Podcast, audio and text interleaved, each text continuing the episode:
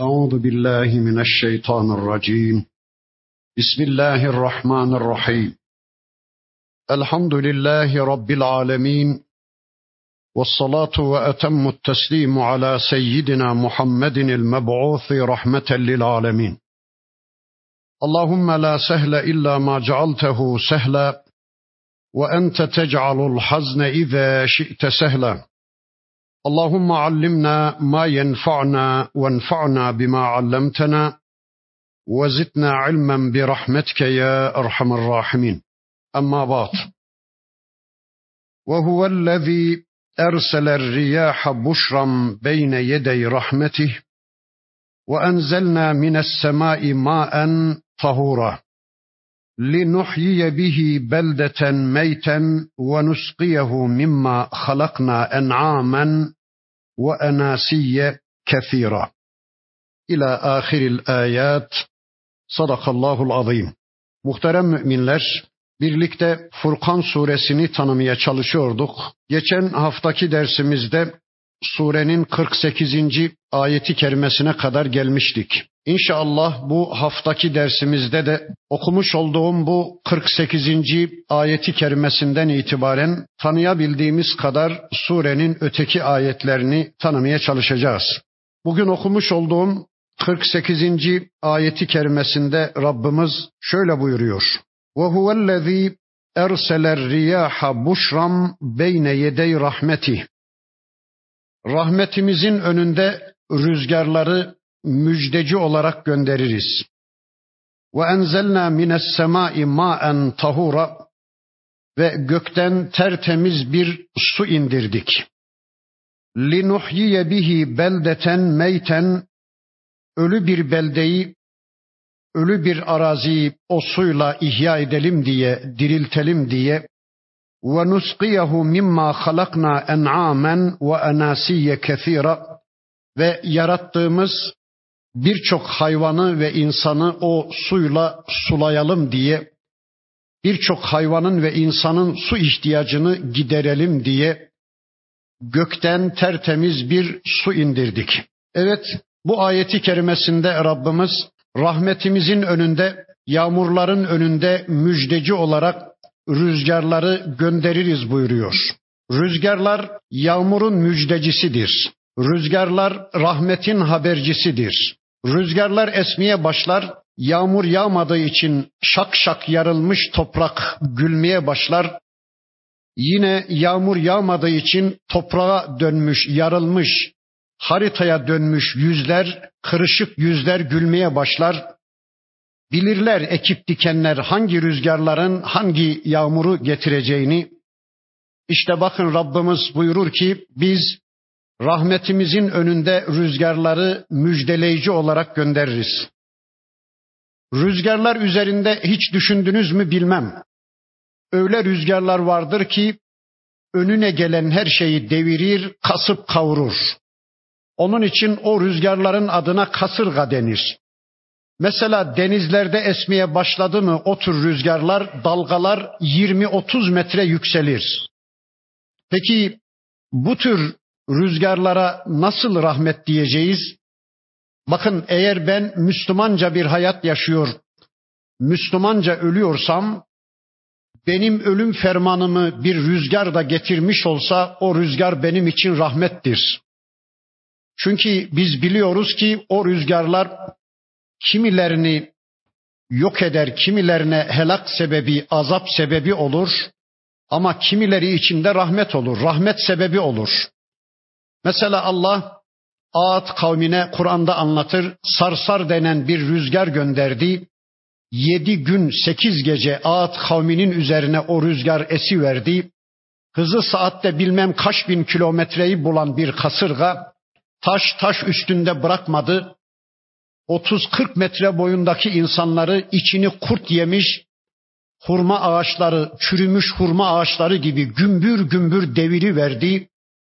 Ağat kavmi için bir helak sebebi, bir azap sebebi olurken o rüzgar, Hud aleyhisselam için, Ağat kavminin müminleri için, Hud peygamberin etrafındaki bir avuç Müslüman için de bir rahmet sebebi oldu bir başarı sebebi oldu. İşte zalimlerden kurtulma sebebi, galibiyet sebebi oldu. Öyleyse o rüzgarlar rahmettir. Ama sevgili peygamberimiz sert esen rüzgarları gördüğü zaman gözleri dolu dolu Allah'a dua ediyor. Ya bu bizim azabımıza sebepse, ya Allah o rüzgarları bizim helakimize göndermişse diye çok korkardı peygamberimiz. Tir tir titrerdi ve dua dua Allah'a yalvarırdı. Ya Rabbi bu rüzgarları bizim gazabımız sebebi kılma diye. Bizler de sert esen rüzgarları gördüğümüz zaman Allah'a dua edelim. Ya Rabbi bu rüzgarları azap sebebimiz kılma diye Allah'a biz de dua dua yalvaralım.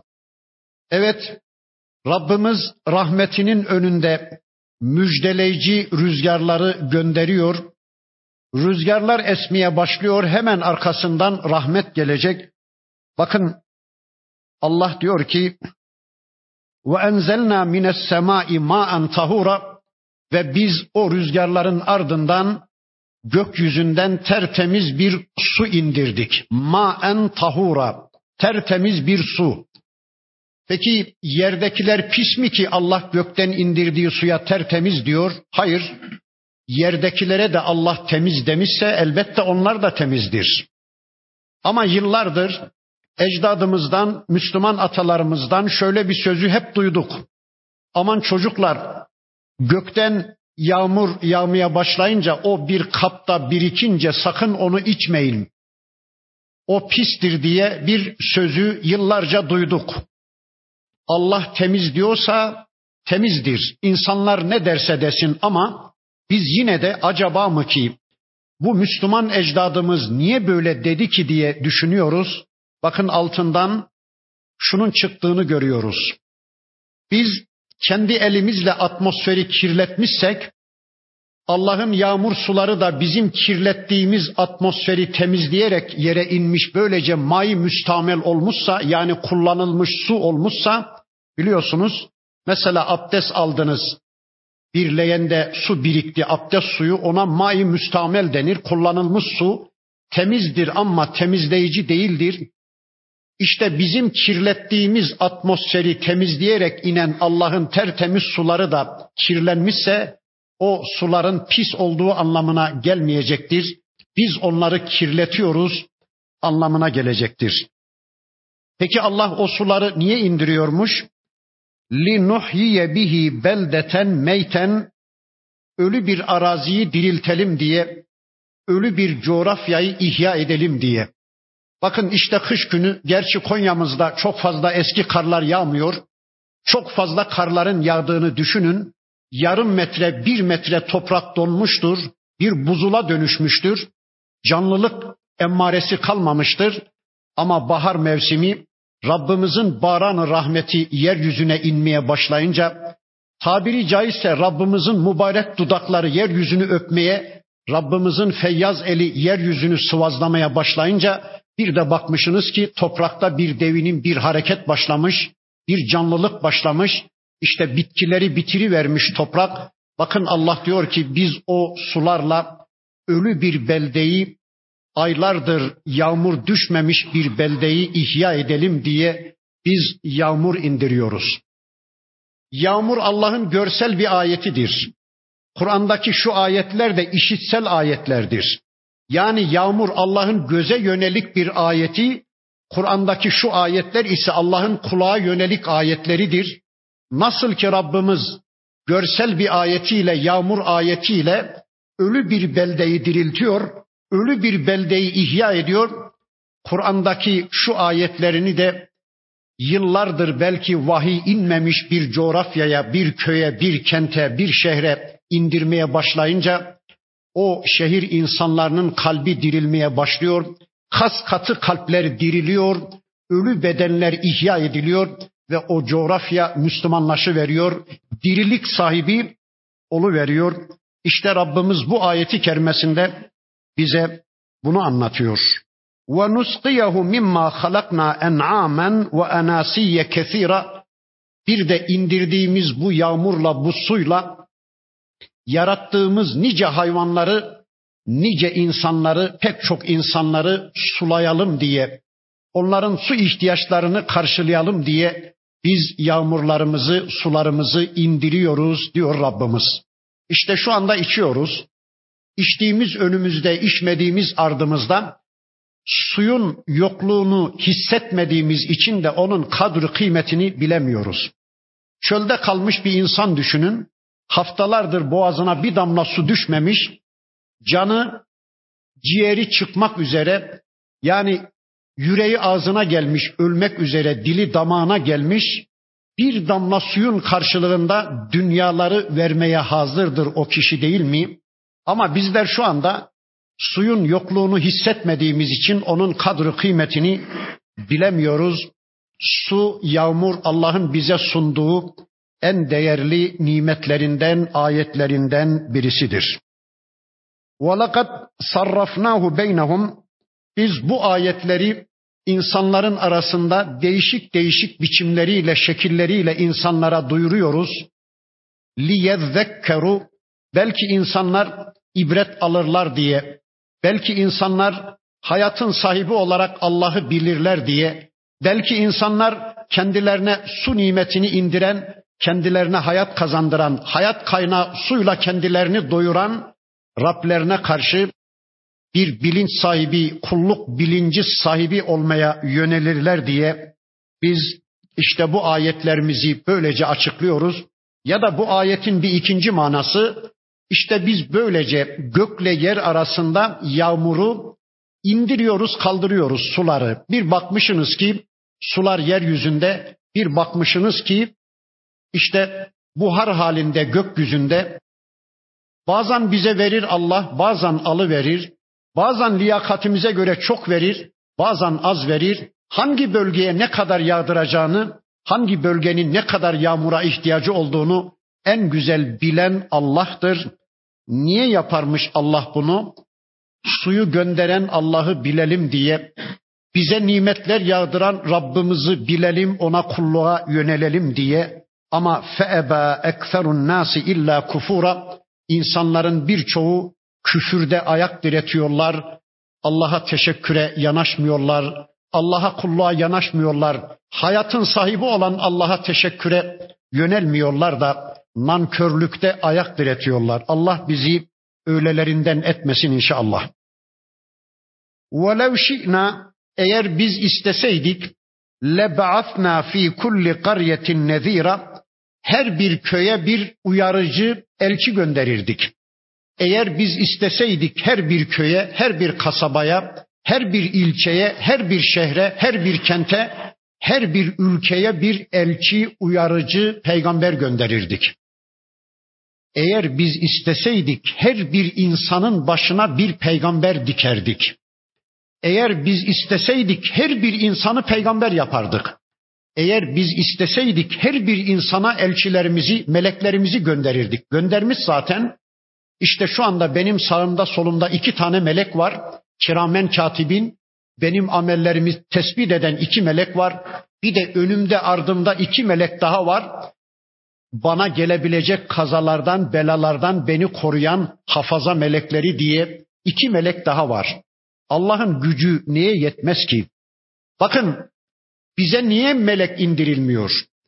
Bize niye peygamberlik verilmiyor? E, Muhammed inansın inanacaksa sallallahu aleyhi ve sellem diyordu Mekke müşrikleri. Melek ona geliyor, ayetler ona iniyor.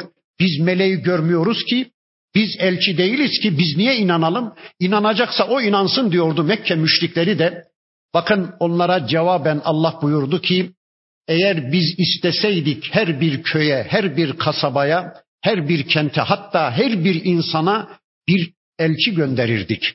Bu bir beşer elçi ya da bir melek elçi olabilirdi ama inanmayanlar yine de inanmayacaklardı. Bakın Önceki toplumlara Allah aynen öyle yapmış. Her bir kasabaya, her bir kente Allah bir elçi göndermiş. Kur'an'da bunu anlatan ayetler var. Onlardan bir ikisini okuyayım inşallah. وَلِكُلِّ قَوْمٍ had.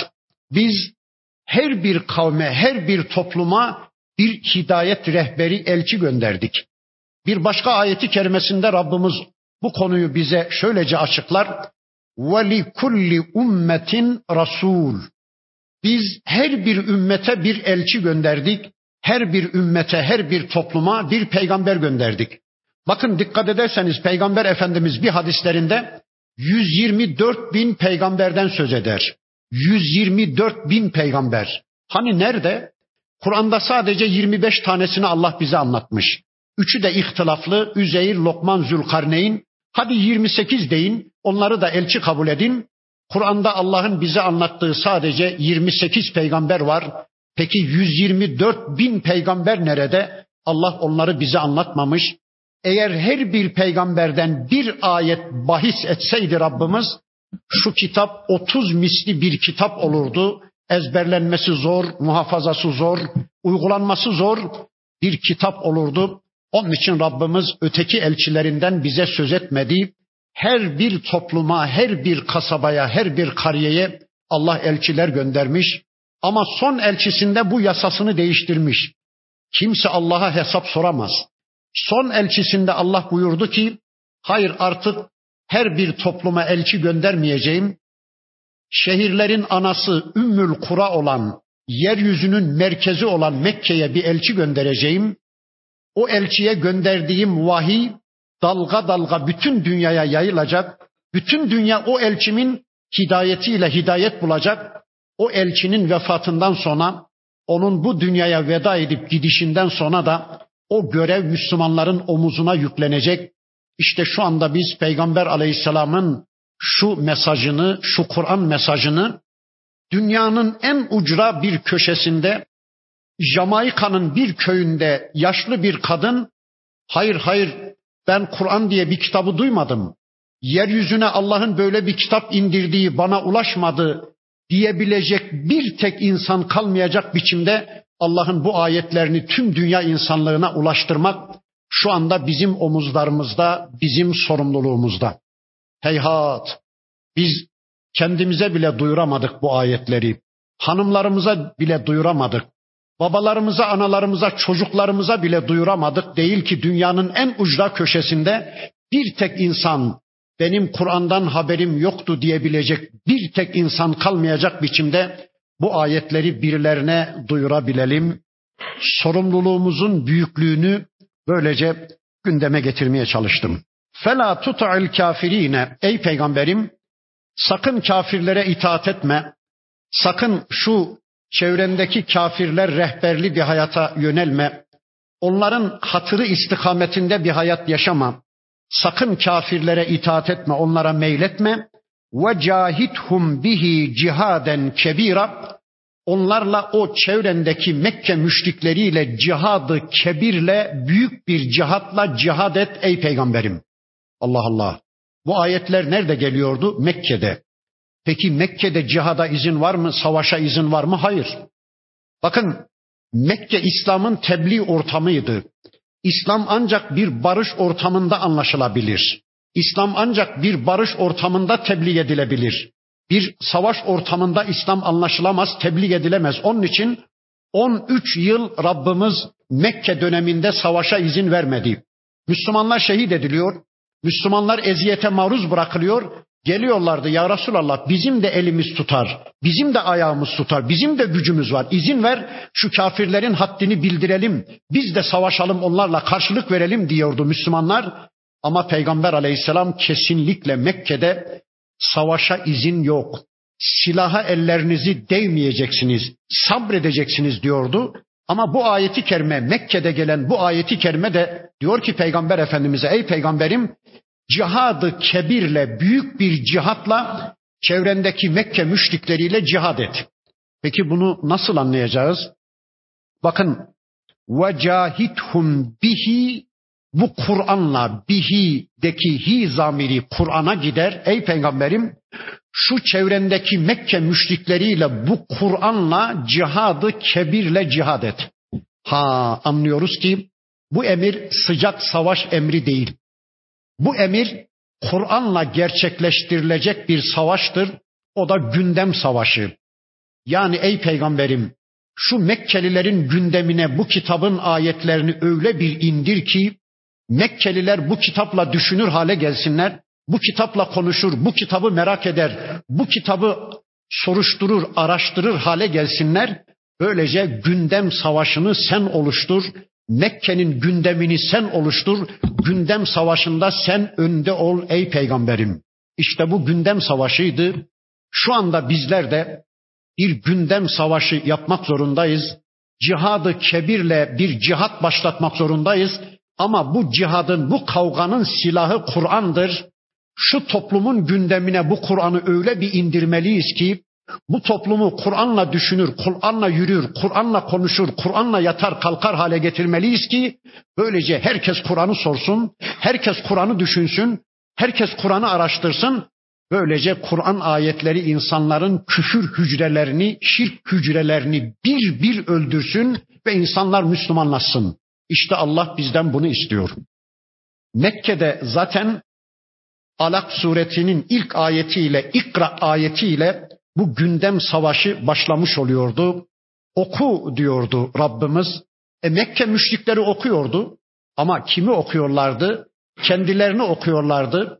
Kendileri gibi acizleri okuyorlardı. Şairleri okuyorlardı, kahinleri okuyorlardı. Ekonomik ve siyasal güç sahiplerini okuyorlardı. Allah dedi ki öyle değil.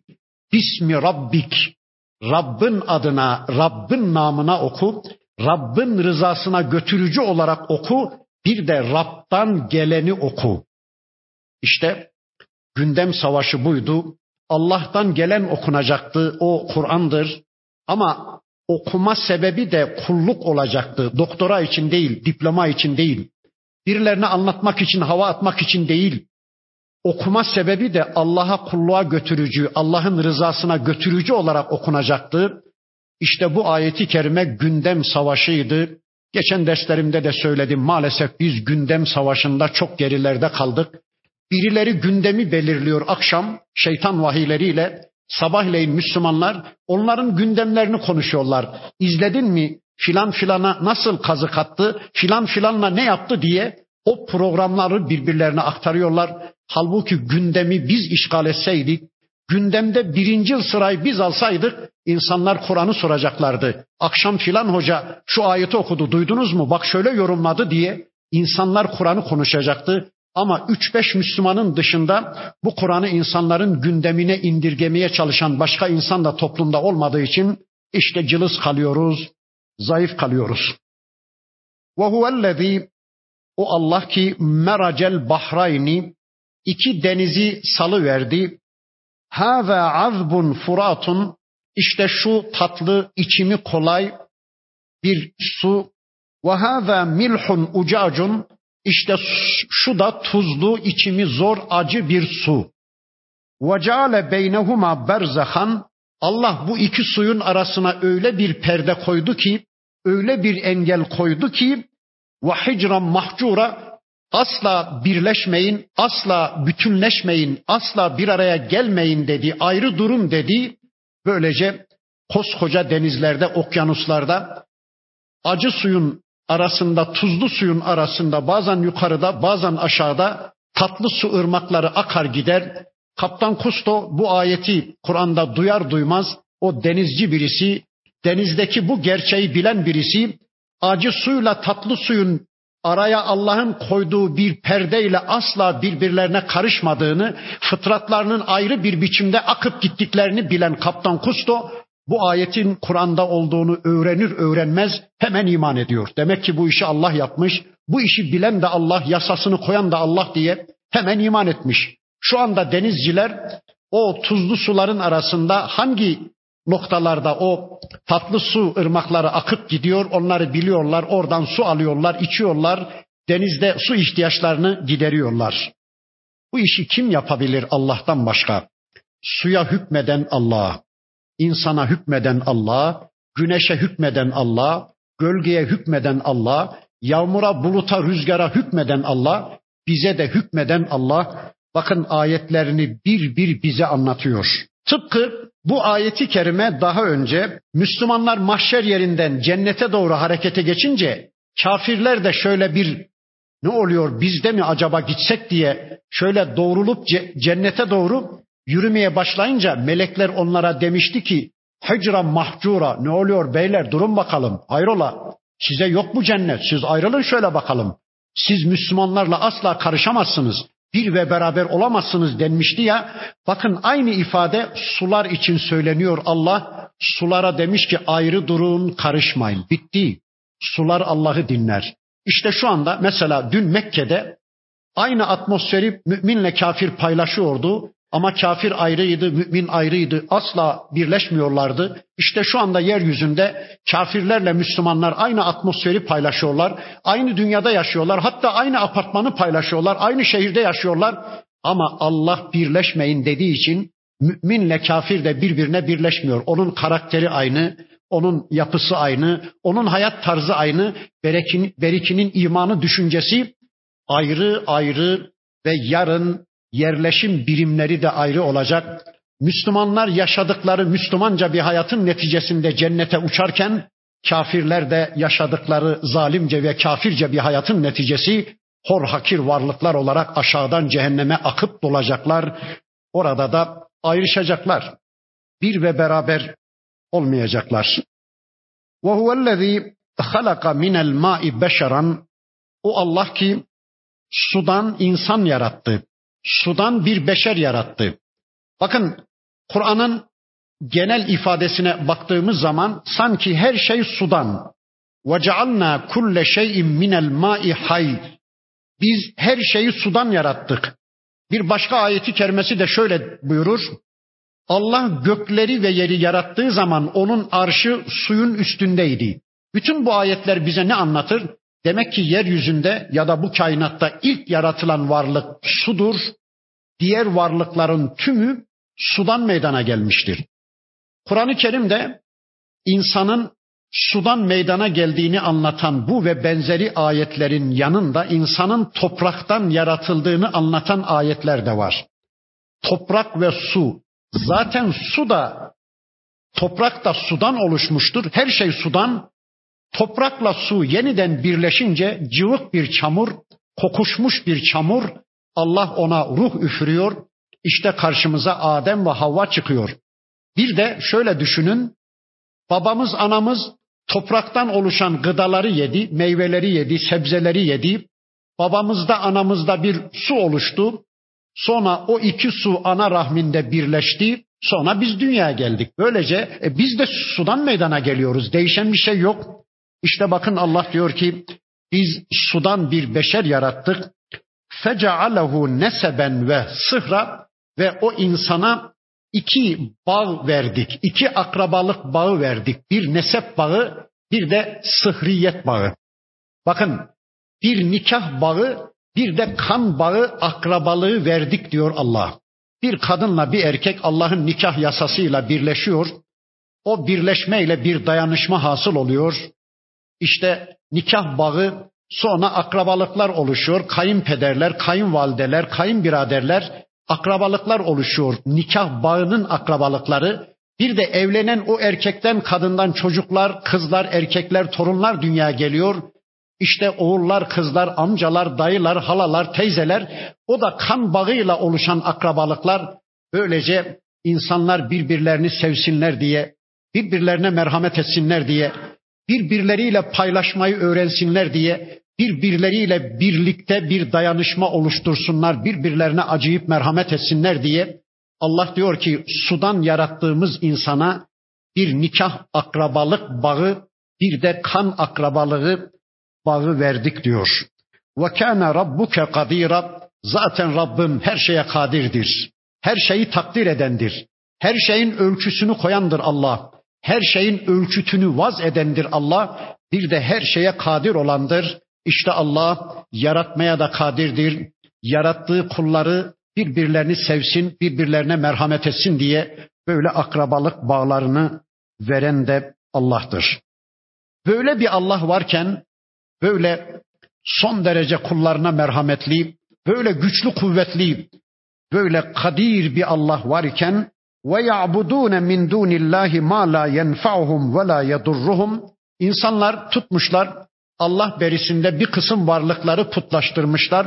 O varlıkların ortak özellikleri kendilerine zerre kadar bir fayda sağlama gücüne sahip değiller. Kendilerinden zerre kadar bir zararı da def etme gücüne sahip değiller. Bundan önceki, geçen haftaki okuduğum ayetler içinde aynı ayet bir daha geçmişti. Anladınız?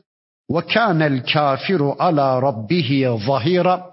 Şüphesiz ki kafir Rabbına karşı zahirdir, Rabbına karşı düşmanca bir tavır takınmaktadır. Rabbına karşı bir hesabın içindedir. Bakın kafir şeytan safında yer alan kişidir. Tercihini şeytandan yana kullanan kişidir. Allah'a isyanın sembolü, temsilcisi olan şeytan safında yer alan kişidir kafir. Dolayısıyla kafirden bundan başka bir şey beklenmez.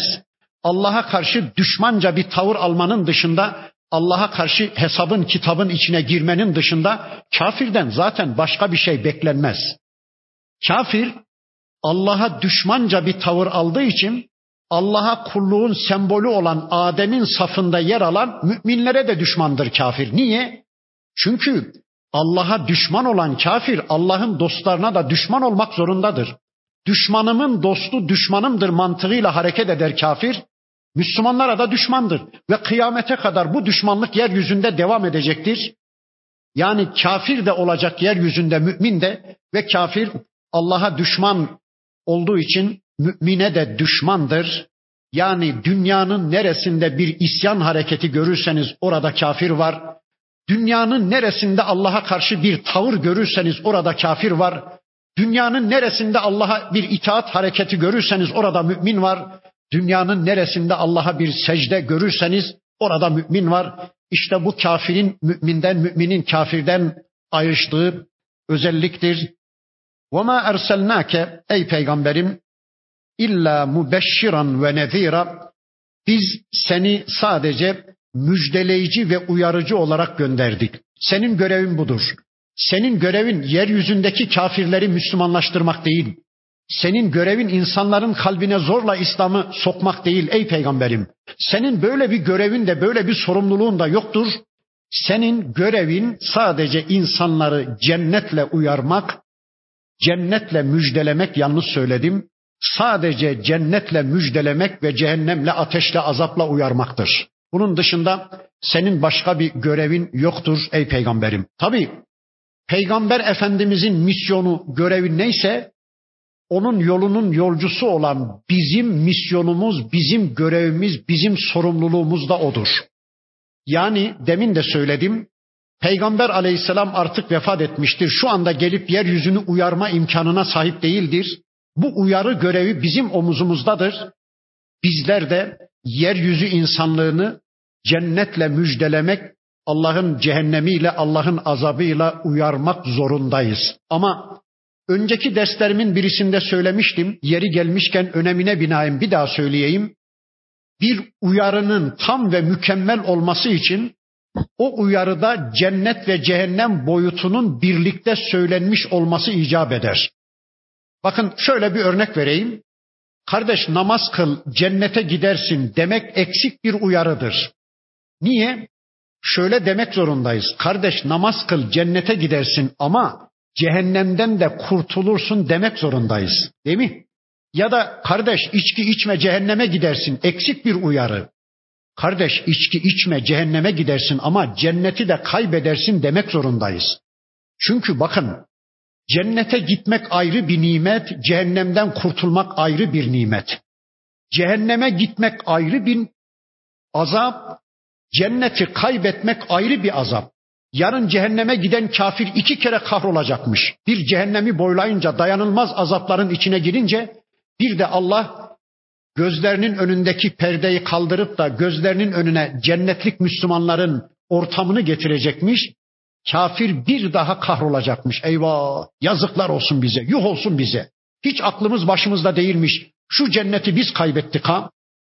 Ne akılsız insanlarmışız demek bu cenneti biz kaybettik ha diye kafir iki kere kahrolacak. Bir cehennem azabı kahrolmasına sebep, bir de kaybettiği cenneti görmesi, kahrolmasına sebep olacak. Mümin de iki kere sevinecektir. Bir, gözlerin görmediği, kulakların duymadığı bir cenneti kuşandı ya, ona sevinecek. Bir de zaman zaman Allah cennetli kullarının gözünün önünden perdeyi kaldırıp onların önüne de cehennem ortamını getirecekmiş.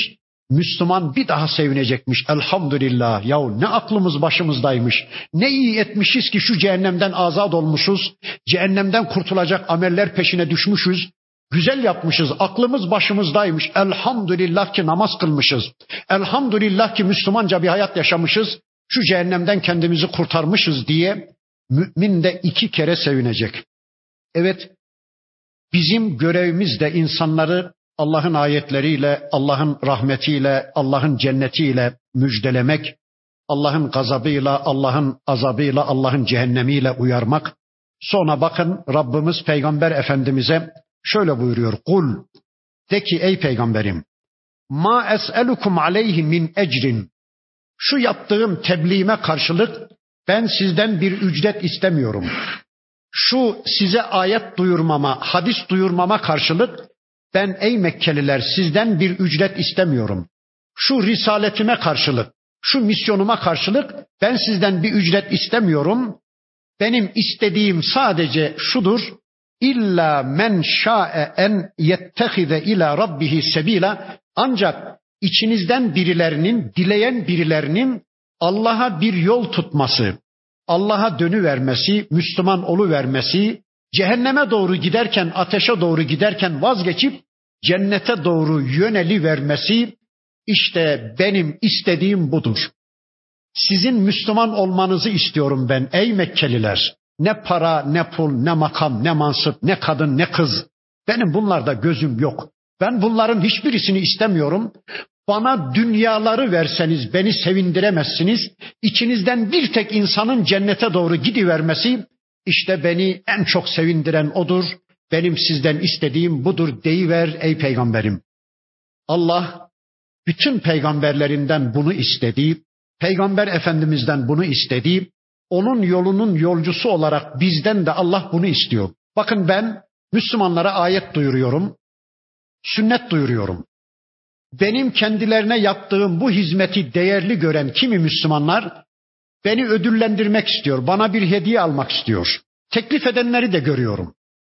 Peki burada bir soru sorayım. Ben karşımdaki din duyurduğu Müslümanların hangi hediyesinden sevinmeliyim? Ya da onların bana verebilecekleri hangi hediye beni sevindirmeli? Ben şunu söylemeliyim. Kardeş, beni sevindirmek istiyorsan vallahi de billahi de dünyaları versen bana beni sevindiremezsin. Bana kendini namaz kılan, cennete giden bir Müslüman kardeşim olarak sunu ver. Vallahi dünyaları versen o kadar beni sevindiremezsin. Ben senin cennetinden sevindiğim kadar, ben senin Kur'an sünnete yönelmenden sevindiğim kadar, ben senin içkiyi zinayı bırakıp Allah'a kulluğa yönelmenden sevindiğim kadar hiçbir şeyle beni sevindiremezsin. Hiçbir hediyeyle benim gönlümü alamazsın demek zorundayım. Bizler bunu söylemek zorundayız. Bakın Allah'ın elçileri şu cümleyi Yusuf suresinde söylemiştim. Epey oldu o sureyi okuyalı. Yeri gelmişken bir daha söyleyeyim. Allah'ın elçileri bu vahye ulaşırken Allah onlardan bir bedel istemedi. Allah peygamberlerine vahyini gönderirken, kitaplarını indirirken onlardan bir karşılık istemedi. Ve bedava ulaştıkları Allah bilgisini insanlara peygamberler sunarken de peygamberler insanlardan bir bedel istemedi, bir karşılık istemedi. E biz de bedava ulaştık. Bakın ben bu ayetleri dün okudum, geçen sene okudum, evvelki sene okudum. Nereden okudum? İşte Kur'an'dan. Ben bu ayetlerin bilgisine ulaşmak için bir yerlere telif ücreti falan ödemedim ki, ben bir bedel ödemedim ki, bedava ulaştığım bu Allah bilgilerini ben de size sunarken niye bedel isteyeyim? Niye bir hediye beklentisi içine gireyim?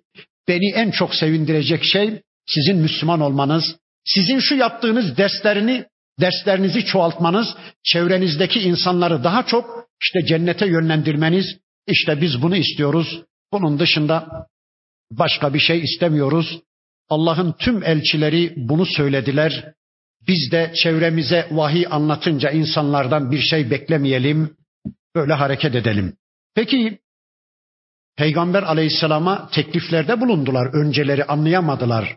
Acaba dediler bunun derdi para mı ki? Bir peygamberlik icat etti. Acaba bunun derdi reislik mi, riyaset mi? Acaba bunun derdi kadın kız mı? Geldiler peygamberimize dediler ki ey Muhammed eğer başımıza reis olma sevdasındaysan gel başımıza reis yapalım. Hiçbir hükümdarın giyemeyeceği tacı tahtı sana sunalım. Yok eğer gözün kadında kızdaysa en güzel kızlarımızı seninle nikahlayalım. Yok eğer ekonomik gücün artmasını istiyorsan mallarımızı, mülklerimizi sana verelim. Ne dedi peygamberimiz? Vallahi sağ elime güneşi, sol elime ayı verseniz, yani bırakın dünyaları, dünyaları bırakın, dünyanın ötesindeki alemleri de bana hediye olarak takdim etseniz, içinizden bir tek insanın Allah'a yönelmesine sevindiğim kadar beni sevindiremezsiniz. Beni sevindirmek istiyorsanız buyurun Müslüman olun, benim yüzümü güldürün. Dedi Allah'ın Resulü. İnşallah biz de öyle olalım. Peki peygamber insanlara güvenmeyecek. insanlardan bir beklentisi olmayacak da kime güvenecekti? Kime dayanacaktı?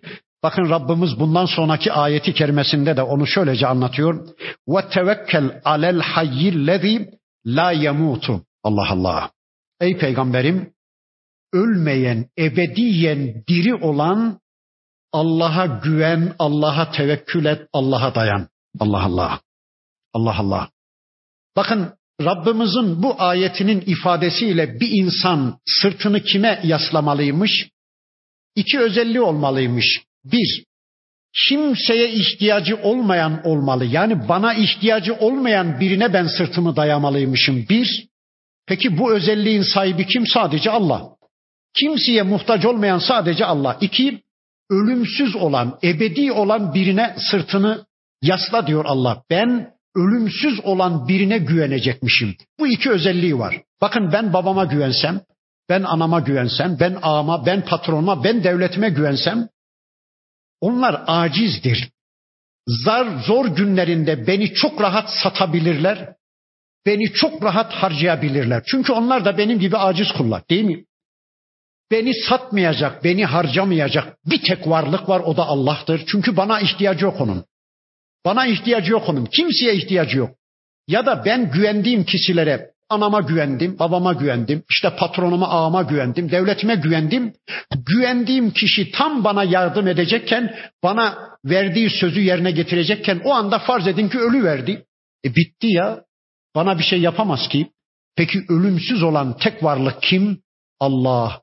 Öyleyse ey peygamberim sen insanlara güvenme. İnsanlardan bir beklentin olmasın. Sen hep hay olan, hiçbir şart altında seni satmayacak olan, hiçbir şart altında seni harcamayacak olan, ölümsüz olan, her şeye güç getiren Rabbına güven ve sebbih bihamdihi hamd ile Rabbini tesbih et ey peygamberim. Vekaletini ona ver ve hamd ile Rabbini tesbih et. Önce bir vekalet işini söyleyeyim. Önceki derslerimin birisinde söylemiştim ama Allah tekrar tekrar ayetlerinde bir daha bir daha söylediğine göre ben de üşenmeden, usanmadan bir daha bir daha söyleyeceğim. Vekalet vermemiz lazım Allah'a. Vekil kabul etmemiz lazım Allah'ı. Ne demek o? Hani bir insan bir konuda bilgi sahibi değilse kendisinden bir adım önde bilgi sahibi olan birine vekalet verir değil mi? Mesela düzenin mahkemesinde kendisini savunma konusunda yasaları bilmediği için korkan birisi gider bir avukata kendisinden daha iyi savunabileceğine inandığı bir avukata vekalet verir değil mi? Bakın biz de hayatı nasıl yaşayalım? Nasıl giyinelim? Nerede kazanıp nerede harcayalım? Ne satalım, ne alalım? Dükkanı nasıl açalım, nasıl kapatalım? Gecemiz, gündüzümüz nasıl olsun? Bütün bu konuları biz bilmediğimiz için bizden daha iyi bilen Rabbimize vekalet veriyoruz. Ya Rabbi sen emret yapalım biz bilmeyiz. Bizim ilmimiz kıt, bilgimiz kıt. Hayatı var eden sensin, bizim sahibimiz, malikimiz sensin diye Allah'a vekalet vereceğiz. Bir bir de hamd ile Rabbimizi tesbih edeceğiz. Ve kefa bihi bi zunubi ibadihi habira. Kullarının günahından haberdar olan Allah sana yeter ey peygamberim. Kulların tüm günahlarından haberdar olan Allah size yeter ey Müslümanlar. İnsan ne alemde, kim günah işliyor, kim işlemiyor, kim ne durumda insanlar bilmese de olur ama Allah biliyor ya tüm kullarının günahlarından haberdar olan Allah bize yeter diyeceğiz ki o Allah Ellezî halakas semâvâti vel arda. Gökleri ve yeri yarattı. Ve ma beynehuma ikisi arasında her şey yarattı. Fi sitteti eyyamin altı günde. Bu bir müteşabih ayettir. Altı günde Allah gökleri ve yeri ve ikisi arasındakileri yaratmış. Altı gün. Bu şu bizim bildiğimiz 24 saatlik bir altı gün değil. Altı merhale mi, altı dönem mi, Allahça malum altı gün mü, altı dönem mi, merhale mi bunu bilmiyoruz. Zaten yevm ifadesi izafidir. Mesela bir melek gününden söz eder Kur'an bizim 50 bin yılımız. Mıktaru hamsine elfe sene. Meleğin bir günü bizim 50 bin yılımız. Nasıl bir şey? Bir melek günü öyleymiş. Dünya yaratılalı değil de Adem aleyhisselam yaratılalı takriben bir 10 bin yıl olmuş. Bir meleğin bir gününün onda biri bile değil değil mi? Meleğin bir gününün onda biri bile değil tüm dünyanın ömrü. 50 bin yıl nerede, 10 bin yıl nerede? Buna melek günü diyoruz. Bir yıldız günü var, bilmem. Bir kıyamet günü var. Yevmul kıyame, yevmul ahire. Yani insanların dirilip cennetliklerin cennete, cehennemliklerin cehenneme gidip de ebediyen yaşayacakları sürece bir gün demiş Allah. Bir gün.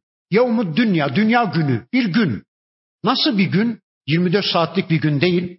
Sadece iman ediyoruz zaten. Müteşabih bir ayet. Müteşabih ayetler biliyorsunuz bizden sadece iman ister, amel istemez. İnanıyoruz ki Rabbimiz gökleri, yeri, ikisi arasındakileri altı günde yarattı. ثُمَّ اسْتَوَى عَلَى alel arşi sonra o Allah arşa istiva etti. Arş üzerinde egemenliğini kurdu. Önceki derslerimde ben arşla alakalı epey bilgi verdim. Arşın yanında dünyamız maddenin en küçük parçası olan atomun trilyarda biri bile değil. Arşa hükmediyor Allah, arşa güç getiren Allah, arşı egemenliği altına alan Allah, arşı yöneten Allah dünyayı yönetemez mi? Dünya güç getiremez mi? Bu gerçeği anlayın diyor Rabbimiz. Böylece arşa hükmetti. Er-Rahman. O Allah üstelik Rahmandır, acıyandır, merhamet edendir. Fes'el bihi habira. Öyleyse peygamberim tüm haberleri sen ondan sor. Tüm haberleri tüm haberlerin kaynağı olan, bilgisi tam olan, bilgisi eksiksiz olan, bilginin kaynağı olan, bilgi kendisinden olan Allah'a sor ya da bunun bir ikinci manası seele istemek demektir. Ey peygamberim sen her şeyden haberdar olan Allah'tan iste isteyeceğini. Ne isteyeceksen ayarın kapısında dilencilik yapma. Başkalarının kapısında el açıp bir şeyler isteme. İsteyeceğin nedir senin? Allah'tan iste. Kadınsın da bir koca nimetine mi ulaşmak istiyorsun? Allah'tan iste. Erkeksin de saliha bir kadın nimetine ulaşmak mı istiyorsun? Allah'tan iste. Yağmur mu istiyorsunuz? Allah'tan isteyin. Rızık mı istiyorsunuz? Allah'tan isteyin. Hastasınız da şifa mı istiyorsunuz? Allah'tan isteyin. Evinizde dirlik düzen mi istiyorsunuz? Allah'tan isteyin. Toplumunuzda dirlik düzen mi istiyorsunuz? Müslümanca bir hayat mı istiyorsunuz? Yeryüzünde tevhidin egemen olmasını mı istiyorsunuz? Allah'tan isteyin. Fesel bihi habira. Sadece Allah'tan isteyin. Şimdi bir ayet okuyacağım ama bu ayet bir secde ayeti. Şu anda bulunduğumuz ortam buna müsait değil. Müsait olsa geciktirmeden, savsaklamadan, tehir etmeden tıpkı meleklerin yaptığı gibi hemen secdeyi yerine getirmek en doğrusu. iblis gibi savsaklamadan, duymazdan gelmeden hemen secdeyi yapmak en doğrusu. Hatta kimi alimlerimize göre abdestli olma şartı da yok. Kıbleye dönme şartı da yok. Hemen secdeye varı vermek. Bilmem şu ortamda secde imkanımız yok. İnşallah eve varınca bir secde borcunuz olsun. Hemen bir secde gerçekleştirin. Ben ayet okuyayım. Ve izâ qîle lehumuscudû lirrahmani. Şu Mekke müşriklerine secde edin denildiği zaman secdeye varın. Rahman'a secde edin. Rahman karşısında bel kırıp boyun bükün, ukalalık etmeyin, hemen secdeye varın dendiğinde Kalu derler ki vama Rahman, Rahman da neymiş? Rahman da kimmiş? Enescudu lima te'muruna ve zadehum nufura. Ey Muhammed senin bir emrinle biz hemen secdeye mi gideceğiz? Onu mu bekliyorsun? Sen dedin diye hemen secdeye mi gideceğiz? Kimmiş o Rahman? Neymiş o Rahman? Bakın bundan sonra bir sure gelecek. Bir hafta daha bu sureyi okuyacağız. Ondan sonra bir sure gelecek. Şu Ara suresi. Orada Musa aleyhisselam Firavun'u Rahman olan Allah'a secdeye davet edince Firavun da aynı ifadeyi kullandı. Vamar Rahman. Ey Musa Rahman da kimmiş? Neymiş Rahman? Aslında Firavun da Mekke müşrikleri de Rahman'ı bilmeyen, tanımayan insanlar değillerdi. Onlar da biliyorlardı Rahman'ı, onlar da tanıyorlardı Rahman olan Allah'ı ama iman etmek istemiyorlardı. Hayatlarının değişmesinden endişe duyuyorlardı. İçkilerine sınır gelecek, zinalarına sınır gelecek, yiyecekleri naneleri rahat yemeyecekler, sınırsız bir hayat yaşayamayacakları için bildikleri, tanıdıkları Rahman olan Allah'a secde etmek istemiyorlardı, ayak diretiyorlardı. Bu ayetler gelince Müslümanlar ve Peygamber aleyhisselam hemen secdeye kapanırken Mekke müşrikleri gururlu, kibirli bir biçimde o ortamı terk edip gidiyorlardı. Varsın secde etmesinler, varsın Rahman olan Allah'a secdeden kaçınsınlar. Biz Rahman olan Rabbimize secdeyle şeref kazanırız, her an secde ederiz. Şu ortam müsait olmadığı için geciktirdik, değilse hemen secdemizi gerçekleştirmiştik. Son birkaç ayet daha okuyayım. Tebarakellezi o Allah öyle mübarek bir Allah ki ceale fis semai burucen gökyüzünde burçlar kıldı. Burçları var etti. Ve ceale fiha siracen yine gökyüzünde bir kandil yattı. İşte güneş ve kameran munira bir de nur kaynağı olan, nur saçan ayı da Allah var etti. Bakın bu ayeti kerimesinde Rabbimiz burçlardan söz ediyor. Tebarakellezi Allah öyle mübarek ki bu kelime bu surede bir daha geçti. Surenin başında Tebarakellezi nezzelel furkana ala abdihi.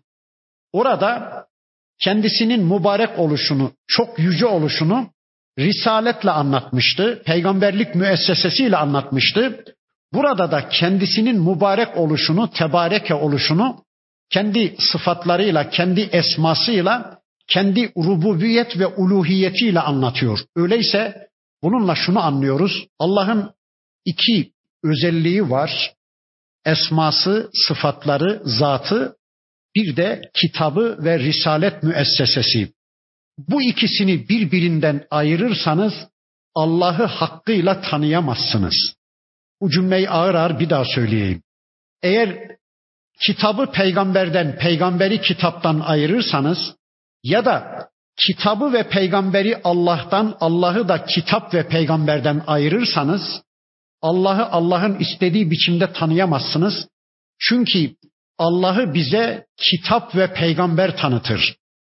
Allah'ı bize tanıtan risalet müessesesidir. Eğer peygamberin sünnetini diskalifiye etmeye kalkarsanız, peygamberin risaletini yok farz etmeye kalkarsanız, Allah'ı hakkıyla Allah'ın istediği biçimde tanıma imkanına sahip olamazsınız. İşte bakın tebareke ifadesini iki yerde kullandı. Kendi zatını anlatırken birisi risaletiyle kullandı.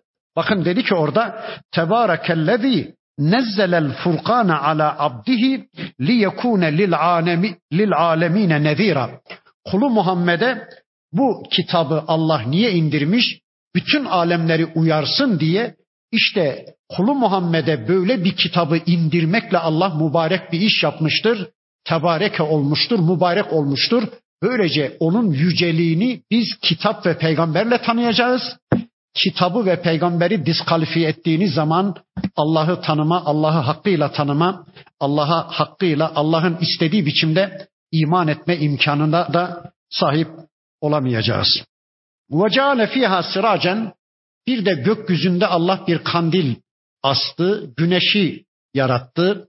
İşte şu anda güneş hiç düşündünüz mü üstünde bilmiyorum. Bir helyum gazı ya da hidrojen gazı yanıyor yani güneşte hiç tükenmeden bir helyum gazı ya da hidrojen gazı yanıyor. İşte dünyamızı aydınlatıyor ve ısıtıyor. Biz her dakika, her saniye güneşten ısı alıyoruz, enerji alıyoruz.